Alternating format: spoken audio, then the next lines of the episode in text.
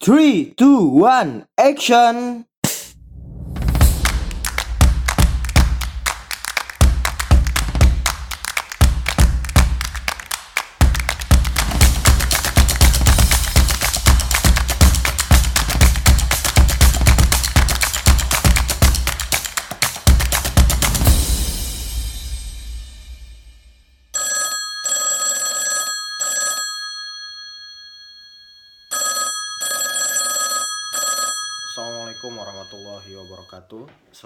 Sejahtera bagi kita semua, Eh, mahasiswa dan mahasiswi jurusan ilmu komunikasi yang pada hari ini saya mengajar di Universitas Teknologi Sumbawa, Fakultas Ilmu Komunikasi.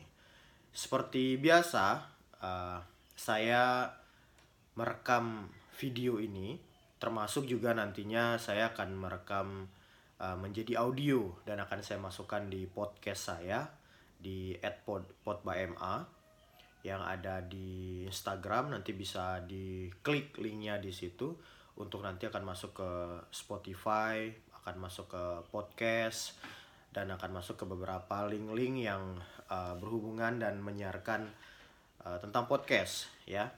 Jadi saya akan menjelaskan pada pertemuan kali ini yaitu salah satu contoh teori komunikasi.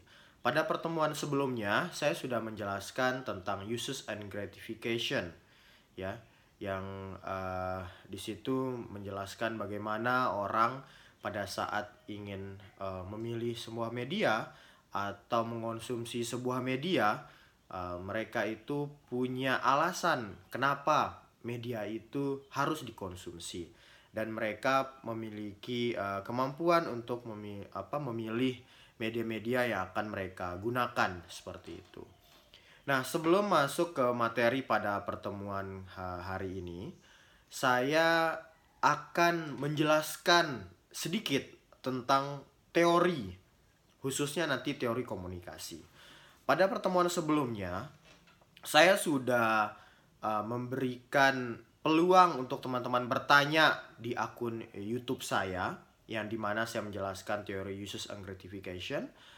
Ada beberapa pertanyaan yang muncul. Uh, jujur sebenarnya ketika saya baca saya sangat tertarik dari pertanyaan-pertanyaan.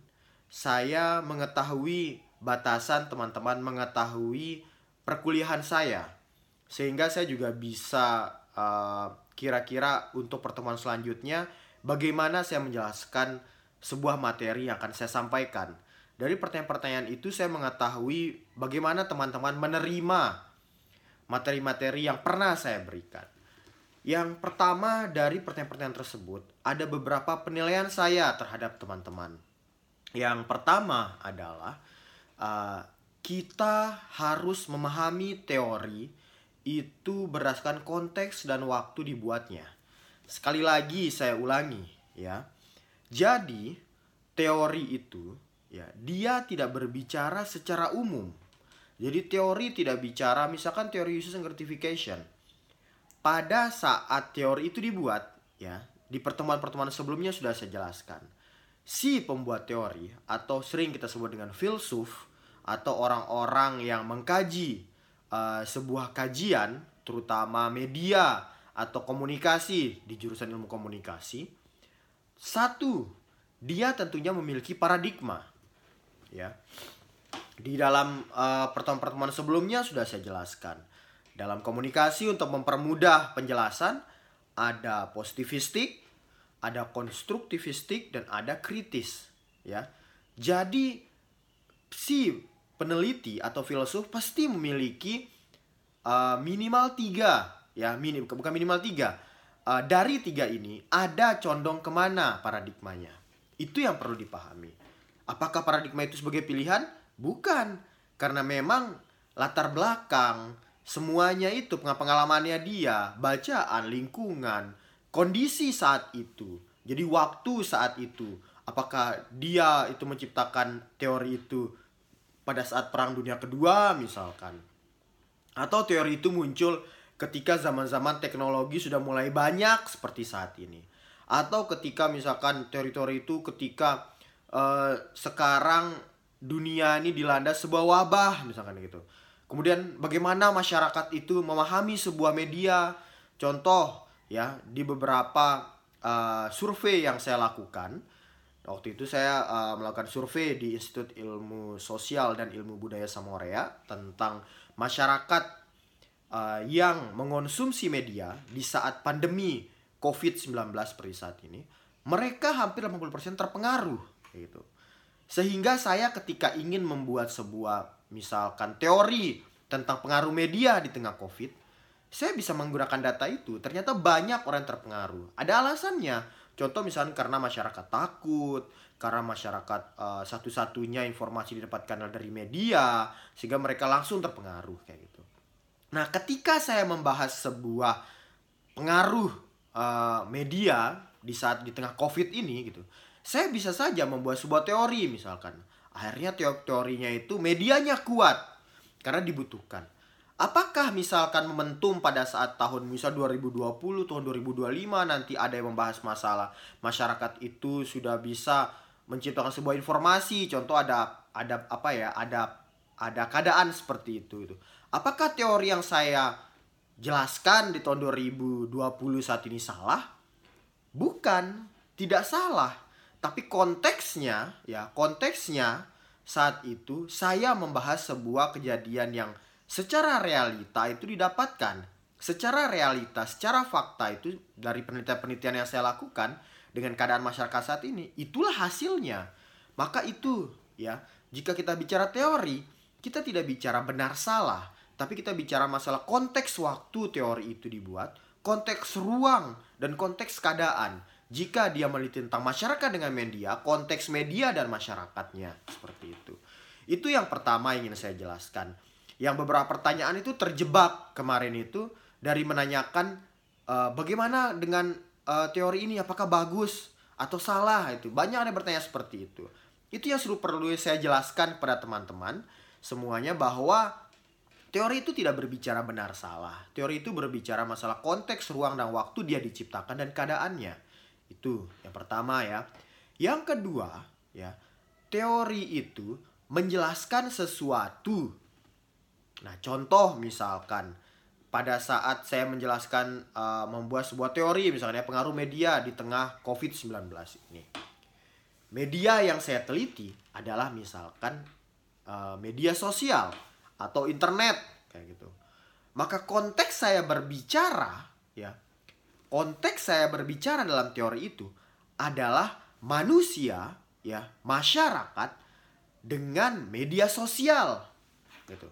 Jadi saya tidak berbicara misalkan manusia dengan televisi atau manusia dengan radio atau manusia dengan koran. Saya tidak berbicara konteks itu. Sehingga jika kita berbicara terkait teori, maka kita perlu sebenarnya ya jadi tidak menghafal teorinya tapi memahami kapan teori itu dibuat, di tahun berapa, dan keadaan konteksnya saat itu lagi ngapain. Konteksnya itu bagaimana? Keadaan politik, keadaan ekonomi, keadaan misalkan um, sosial budaya seperti saat ini ketika terjadi COVID-19. Maka itu yang perlu dipahami. Kita berbicara masalah sebuah konteks. Jika kita bicara masalah internet, maka teori itu membahas masalah internet, ya. Pada kalau kita dijelas, kalau kita diminta untuk menjelaskan tentang teori itu bagaimana sejarahnya, seperti itu.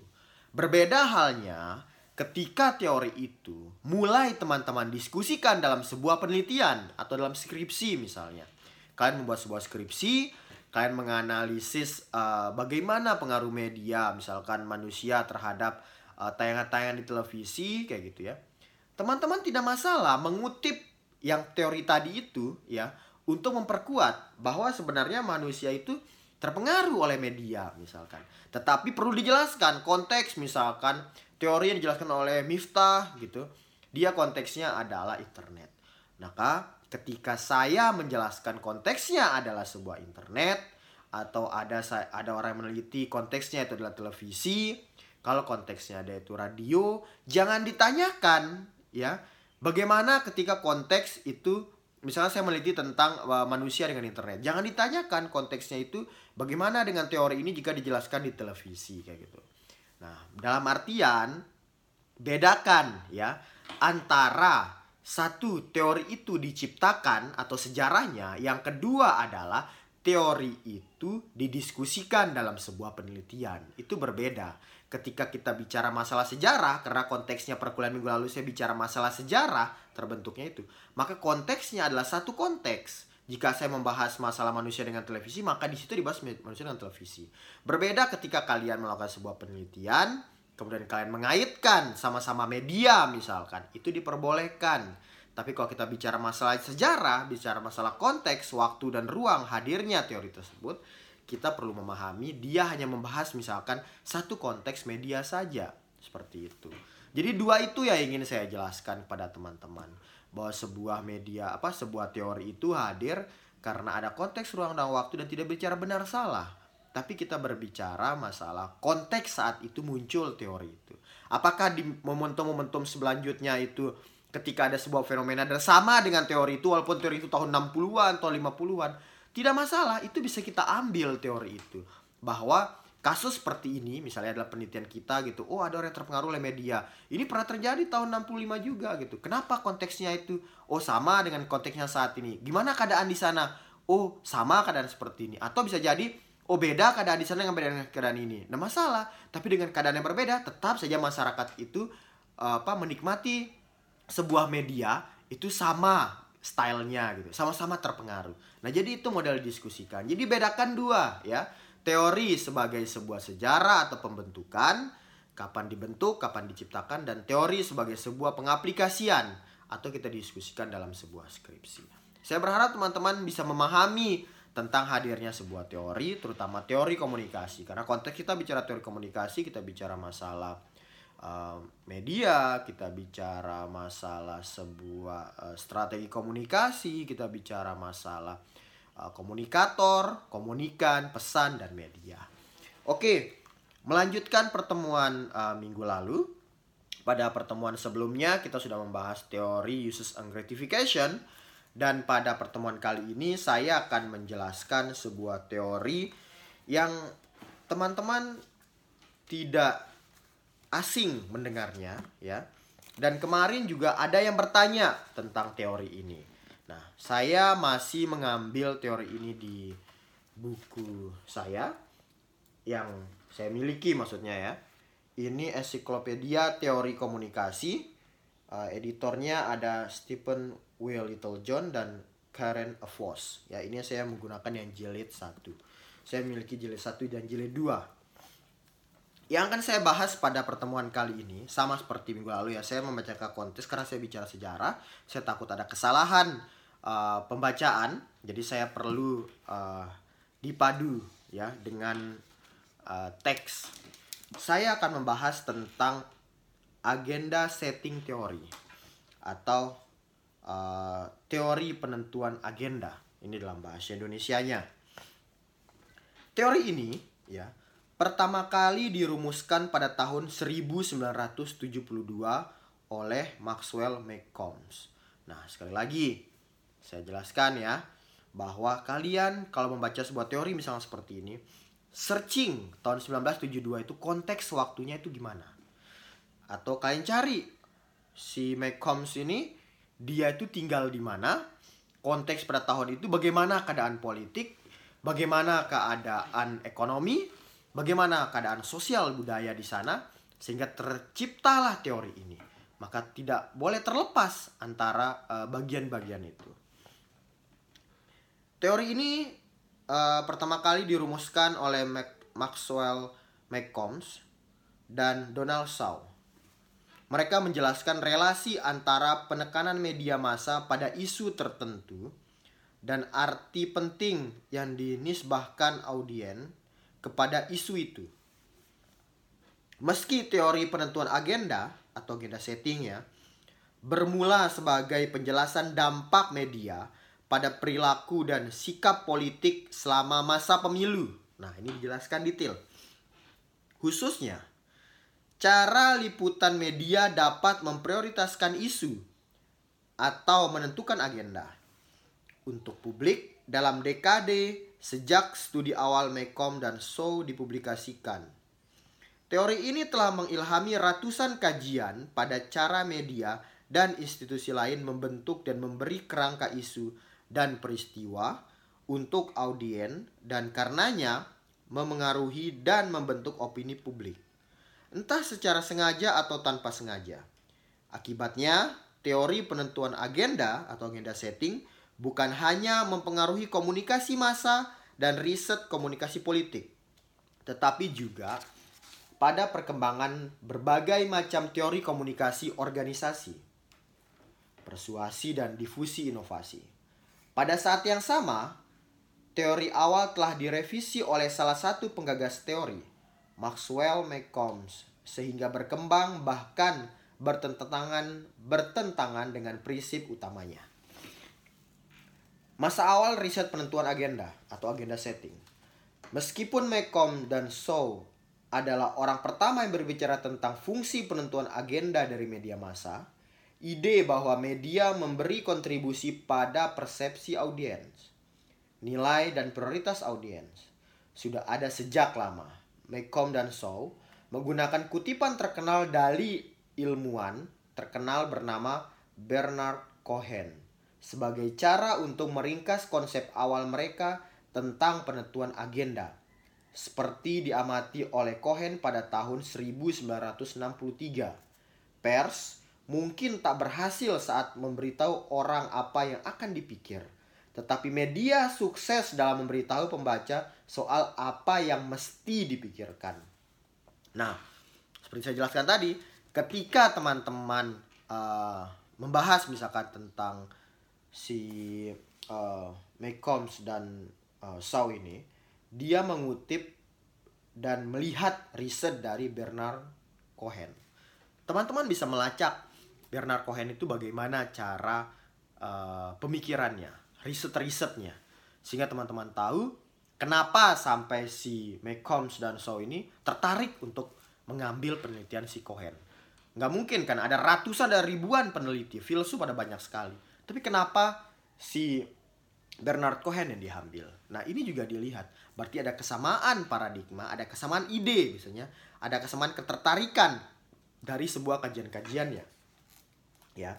Yang di sini dijelaskan, menarik di sini kata Cohen tadi itu, mungkin tak berhasil ya, kalau pers itu mungkin tak berhasil saat memberitahu orang apa yang dipikirkan. Jadi apa yang mereka pikirkan itu nggak berhasil mungkin dipikirkan. Tetapi media sukses dalam memberitahu pembaca soal apa yang mesti dipikirkan. Dalam artian apa? uh, dia atau media itu tidak ya ingin hanya menyampaikan sebuah informasi. Ini loh yang saya pikirkan nggak seperti itu. Tetapi media berbagai macam media bisa membuat agenda. Kira-kira dari seratusan bayangkan. Fenomena satu daerah saja Sumbawa saja misalkan ada berapa ratus ribu berita di sini di Sumbawa. Ada berita misalkan yang bisa jadi berita ya. Seseorang anak misalkan uh, melahirkan. Tiba-tiba ada yang meninggal. Ada yang tabrakan. Ada berita kelulusan kuliah misalkan. Ada berita uh, tentang seseorang yang pulang kampung yang ramai sekali. Tapi kenapa hanya satu berita aja yang diambil hanya ada satu berita saja yang dimunculkan tidak semua berita yang ada di dunia ini kalau dimunculkan ada ratusan jutaan miliaran berita sehingga orang jadi pusing. Tapi kenapa orang fokus ke beritanya ke situ? Contoh sekarang, tahun 2020 konteksnya. Semuanya saya di uh, handphone saya, saya mencoba untuk uh, mendownload ya. Jadi ada kurang lebih lebih dari 15-an sampai 20-an media. Saya download dari luar negeri sampai Indonesia, Asia, bahkan seluruh dunia ada di Indonesia. Itu fokus kalau saya buka selalu yang terbuka adalah coronavirus jadi corona yang dibahas. Nah ini yang dimaksud dengan agenda setting. Ada miliaran, triliunan berita. Tapi kenapa hanya coronavirus yang diambil? Kita nggak bertanya ya, oh ya karena sekarang konteksnya yang uh, berpengaruh terhadap dunia itu ya coronavirus gini-gini gini. Bukan itu yang kita bicara. Kita nggak bicara masalah alasannya. Tapi media fokusnya itu hanya coronavirus saja gitu. Sehingga tidak membuat orang itu ini loh yang saya pikirkan ini loh tentang coronavirus nggak itu yang dibicarakan tapi media bisa mempengaruhi orang untuk ini loh fokus kita sekarang. Kita bahas coronavirus loh sekarang. Ini menjadi penting loh. Nah, di sinilah konteks agenda setting. Media agenda setting. Ini cocok uh, dalam konteks-konteks saat ini. Saya lanjutkan. Uh, dengan kata lain, ide di balik gagasan awal Macomb dan Shaw dalam teori penentuan agenda adalah meski media tidak memberitahu kita apa sikap atau opini yang harus kita anut atau pikirkan dan tidak bermaksud merekayasa opini publik, media memberitahu isu apa yang mesti kita pikirkan, soal apa yang mesti dipikirkan. Nah, itu yang saya jelaskan tadi tentang coronavirus itu yakni isu yang paling penting dan karenanya pantas masuk dalam agenda mental kita. Yang istimewa dari artikel mereka pada tahun 1972 yang berjudul The Agenda Setting Function of Mass Media adalah bahwa Macomb dan Shaw memberi dukungan empiris untuk klaim bahwa prioritas media pada beritanya menjadi prioritas publik Artikel mereka memberi detail hasil studi yang mereka lakukan selama kampanye presiden tahun 1968 di mana mereka bertanya pada 100 pemilih yang belum bersikap di Chapel Hill, North Carolina dengan pertanyaan sederhana. Apa yang paling Anda perhatikan hari ini? Terlepas dari apa yang dikatakan politisi, apa dua atau tiga hal utama yang menurut Anda seharusnya dilakukan oleh pemerintah? Pada saat yang sama, Macomb dan Shaw menganalisis konten berita politik di media massa yang digunakan oleh voter Capitol Hill selama kampanye. Ada empat koran lokal. Yang pertama ada The New York Times, majalah Time, serta berita sore di NBC dan CBS. Macomb dan Shaw menemukan korelasi yang nyaris sempurna antara isu yang dianggap paling penting oleh voter dengan topik yang banyak dibahas di media massa. Selain itu, urutan prioritas yang diberikan voter pada isu cocok dengan jumlah waktu dan ruang yang disediakan media untuk membahas isu itu. Ini sama halnya dengan menjelaskan bahwa ya orang itu mau tidak mau tidak bisa terpisahkan oleh media. Sehingga apa yang mereka harus pikirkan itu itu juga dilihat dari eh, tayangan-tayangan uh, berita atau media yang ditampilkan di publik. Macomb dan Shaw menyimpulkan bahwa ada relasi kuat antara penekanan pada isu oleh media, yakni agenda media, dengan penilaian footer tentang kemenonjolan dan arti penting isu-isu yang dikampanyekan, yakni agenda publik. Periset menunjukkan bahwa ini adalah hubungan satu arah yang langsung, berarti bahwa kita belajar dari media bukan hanya tentang isu, tetapi juga seberapa penting kita menilai isu itu. Secara umum, dengan melihat liputan isu di media massa dan melihatnya diliput beberapa kali dengan penekanan lebih besar, kita mulai mengikuti pendapat media bahwa isu itu memiliki legitimasi dan karenanya kita letakkan dalam agenda kita. Ada beberapa sub uh, pembahasan. Yang pertama ini adalah evolusi dan revolusi. Di awal Mekom dan Shaw mengilhami banyak pertanyaan dan tantangan oleh preset lain dan bahkan oleh Mekom sendiri. Studi di mana pertanyaan dan tantangan ini diinvestigasi menghasilkan banyak revisi dan perluasan teori. Di antara isu penting yang diangkat selama beberapa tahun sesudah riset awal penentuan agenda dipublikasikan, yakni sebagai berikut. Yang pertama, ya, yang didapatkan uh, dari hasil risetnya itu siapa yang menentukan agenda media. Nah, ini penting dan menarik. Banyak preset mengemukakan apa yang tampaknya adalah pertanyaan jelas jika media berita menentukan agenda publik. Siapa atau apa yang menentukan agenda media? Memang beberapa peneliti mengatakan bahwa agenda publik berdampak pada agenda media. Jadi apa yang sekarang lagi in-innya Contoh sekarang ya tahun 2020 ini adalah coronavirus, maka itu juga menjadi agenda media. Nah, itu korelasinya ya. Audien menunjukkan pada media melalui rating, studi audien, riset pasar dan pola konsumsi. Jadi dalam penelitian ini juga menjelaskan bahwa menentukan media itu bisa apa ya fokus agendanya itu hanya pembahasan satu atau coronavirus misalkan 2020 ini Itu juga karena melalui rating, karena masyarakat lagi fokus memikirkan itu. Ada yang berbicara bukan media yang memberitakan kepada masyarakat, tapi masyarakat yang menyampaikan informasi ke media untuk harus ini loh yang kita bahas. Seperti itu pembahasannya.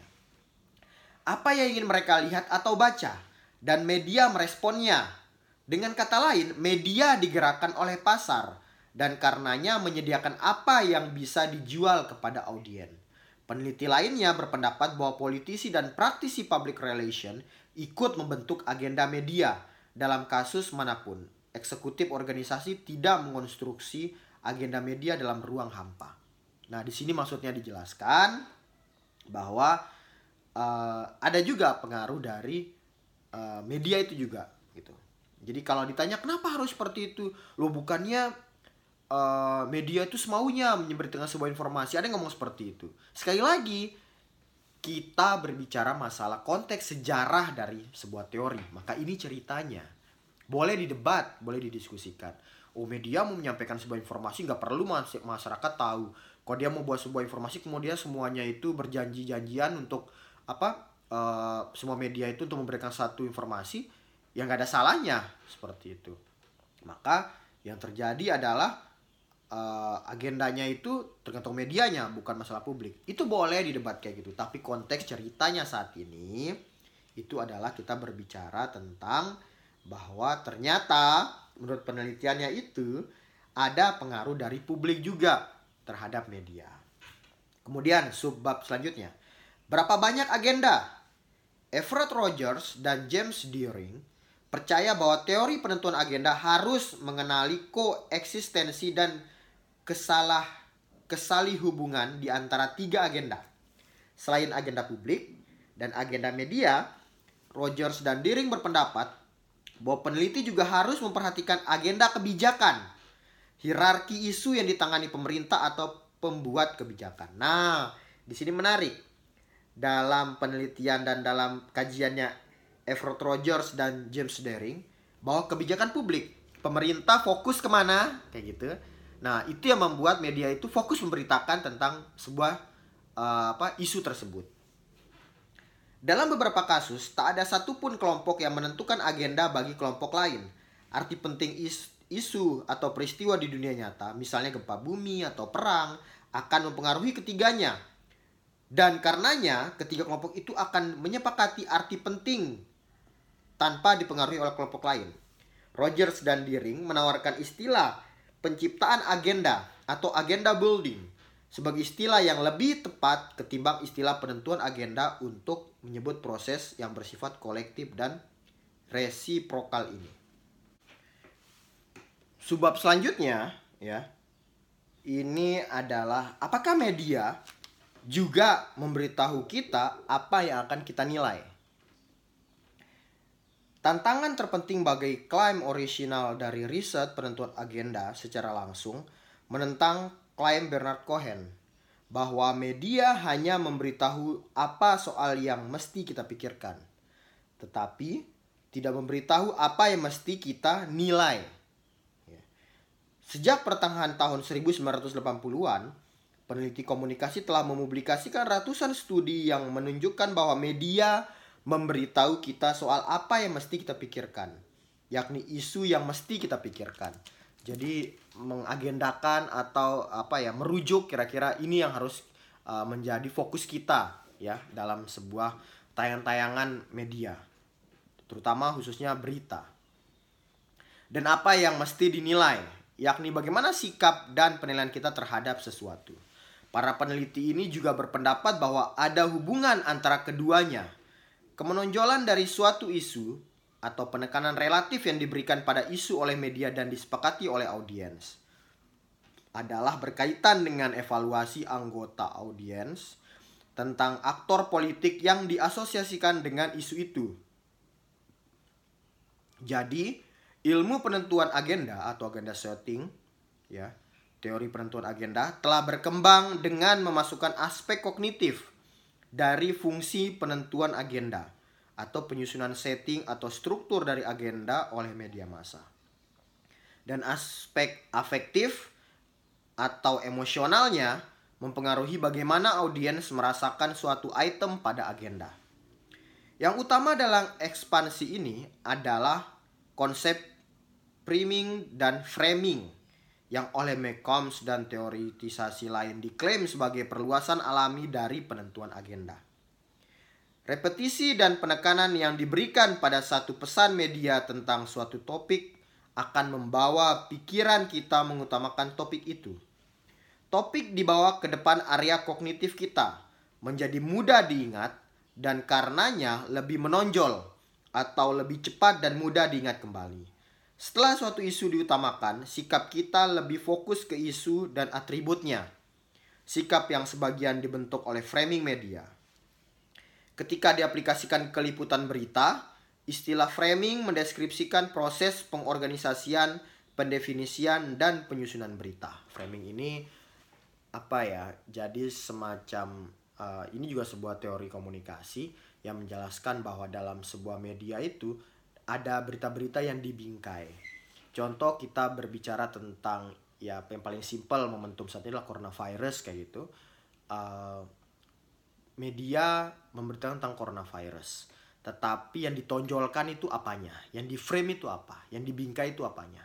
Misalkan fokus beritanya misalkan ada kalau nggak salah sekarang ada dua ribuan yang sudah terdampak yang sudah positif ada seribuan yang sudah sembuh ada di bawah di bawah seribu tujuh ratusan atau enam ratusan gitu itu itu meninggal dunia. Media bisa fokus saja masalah uh, coronavirus akan hilang di muka bumi ini. Kayak gitu. Melihat Indonesia saja sudah seribu yang sembuh misalkan seperti itu. Jadi fokusnya itu berita yang misalkan menenangkan uh, berita kebahagiaan tentang coronavirus ini ternyata sudah banyak yang sembuh dibandingkan yang meninggal dan misalkan yang sembuh sudah akan mendekati yang uh, positif misalkan seperti itu jadi fokusnya di framingnya itu di frame itu khusus untuk negatif apa positif bisa juga misalkan dari 8000 wah ada banyak banget 8000 walaupun yang sembuh itu banyak tapi ada juga yang meninggal misalkan jadi itu beritanya dibuat semacam kayak uh, tragedi kayak gitu. Jadi frame-nya tuh seperti itu. Itu maksudnya frame. Jadi dalam sebuah isu kira-kira apa yang ingin mereka tonjolkan. Dan kalau agenda setting kita berbicara fokus ke masalah uh, coronavirusnya, semua bicarakan tentang coronavirus itu agenda settingnya di situ konteksnya. Kalau kita bicara framing dari uh, coronavirus itu apa yang difokuskan pembahasannya dan uh, bagaimana mereka munculkan itu konteks uh, berbicara terkait framing, ya. Yang selanjutnya uh, banyak teoritisasi media berpendapat bahwa bahkan ketika jurnalis bermaksud untuk objektif atau berimbang dalam peliputannya, mereka niscaya melaporkan isu dengan cara yang memberi petunjuk audiens tentang bagaimana memahami isu itu. Itu saya jelaskan tadi ya. Kita ketika bahas corona, fokusnya adalah berita positif atau beritanya itu adalah e, menakutkan dan lain-lain. Itu fokusnya itu tergantung uh, dari di sini berbicara terkait jurnalisnya. Ya. Termasuk aspek mana yang mesti difokuskan dan mana yang diabaikan. Tugas utama dari semua gatekeeper media menentukan berita mana yang akan ditayangkan di koran atau siaran dan mana yang akan ditekankan. Itu sendiri sudah membentuk kerangka isu yang diliput dalam publikasi atau program mereka. Di luar keputusan inklusi eksklusi, produser berita menyajikan atau merepresentasikan isu dan aktor politik dengan cara spesifik.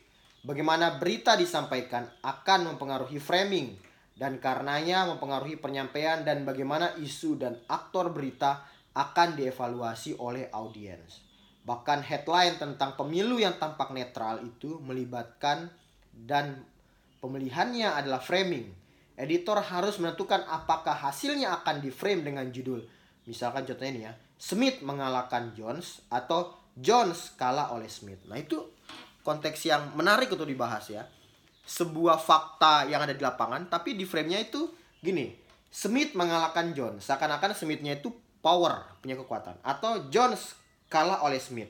Berbicara masalah Jones-nya itu yang lemah ini sama sama jadi Jonesnya kalah Smithnya menang kayak gitu cuma apakah berbicara si Jones itu punya power yang kuat atau si uh, oh sorry Smithnya yang memiliki power yang kuat atau Jonesnya yang lemah untuk mengalahkan Smith itu kan suatu hal yang sama tapi jika kita bicara Kalau kita bicara Smith berarti Smithnya tuh oh, keren, hebat gitu ya. Fokusnya kita ke situ. Kalau bicara Jones kalah oleh Smith kita bicaranya waduh Jonesnya itu lemah dan lain-lain. Sama sebenarnya, tapi fokus kita berpikir duluan itu apakah berbicara masalah sesuatu yang jago menang atau yang lemah jadi kalah. Itu kan berpengaruh terhadap uh, cara pemikiran kita dan cara kita menilai seseorang akhirnya kayak gitu. Sama aja beritanya. Coronavirus itu ada berapa ribu uh, yang positif, kemudian uh, ada berapa ribu yang sembuh, yang yang meninggalnya ada berapa ratus kayak gitu. Tapi kita ketika kita menekankan, kan sama nih beritanya, nggak ada yang bohong. Tapi kita menekankan bahwa uh, konteksnya itu banyak yang positif dan banyak yang meninggal. Kita kan akhirnya ke bawahnya itu, waduh, ini banyak yang apa ya banyak yang meninggal. Jadi ada ketakutan misalnya seperti itu. Tapi kita kalau fokus sama beritanya jumlahnya sama angkanya. Tapi kita fokus masalah sudah mencapai ribuan yang sembuh dan akan mendekati yang positif. Kan itu menjadi positif hati hari kita ya. Sama dengan yang tadi itu terkait Smith dan Jones tadi itu. Sama beritanya nggak ada yang dibohongi. Tapi konteks beritanya itu dimunculkannya itu ke masyarakat. Nah ini yang maksudnya dengan frame atau framing ya Sebab selanjutnya adalah keterbatasan kekuatan penentu agenda. Meskipun teori dan riset penentuan agenda atau uh, agenda setting sudah mencakup dua komponen dari rumusan Cohen, masih ada debat di seputar pernyataan ini tentang pengaruh media, yakni seberapa langsung dan seberapa jauh media menentukan agenda publik. Studi belakangan menunjukkan bahwa variabel personal dapat mempengaruhi efek penentuan agenda media pada anggota audien individual. Mereka yang tidak mencari media ya atau outlet sumber media tertentu lebih kecil kemungkinannya dipengaruhi oleh agenda media. Demikian pula orang yang tidak setuju dengan nilai berita dari sumber yang mereka gunakan. Mengapa CNN contohnya mengangkat menjadi liputan utama akan tidak mudah dipengaruhi penentuan agenda media. Tetapi temuan dari empat dekade riset penentuan agenda dan priming atau framing memberi banyak dukungan untuk klaim yang pertama kali dikemukakan pada tahun 1960-an dan 1970-an oleh Cohen dan oleh McComb dan Saul. Itu penjelasan tentang teori agenda setting atau dalam bahasa Indonesia adalah penentuan agenda. Pada pertemuan selanjutnya kita akan menjelaskan lagi sebuah teori uh, salah satunya yang akan saya ambil juga tetap di buku ini dan saya akan membacanya sebagai panduan sehingga saya tidak salah nanti untuk menjelaskan sejarahnya. Oke, para pendengar, mahasiswa dan mahasiswi, uh, saya konteksnya di sini tidak berbicara tentang mahasiswa-mahasiswi TS saja, tapi semuanya yang ingin uh, melihat atau menonton tayangan ini. Dan tayangan ini akan saya putarkan di podcast di Pod by MA. Sampai ketemu lagi di penjelasan selanjutnya. Terima kasih dan sampai bertemu lagi. Yo.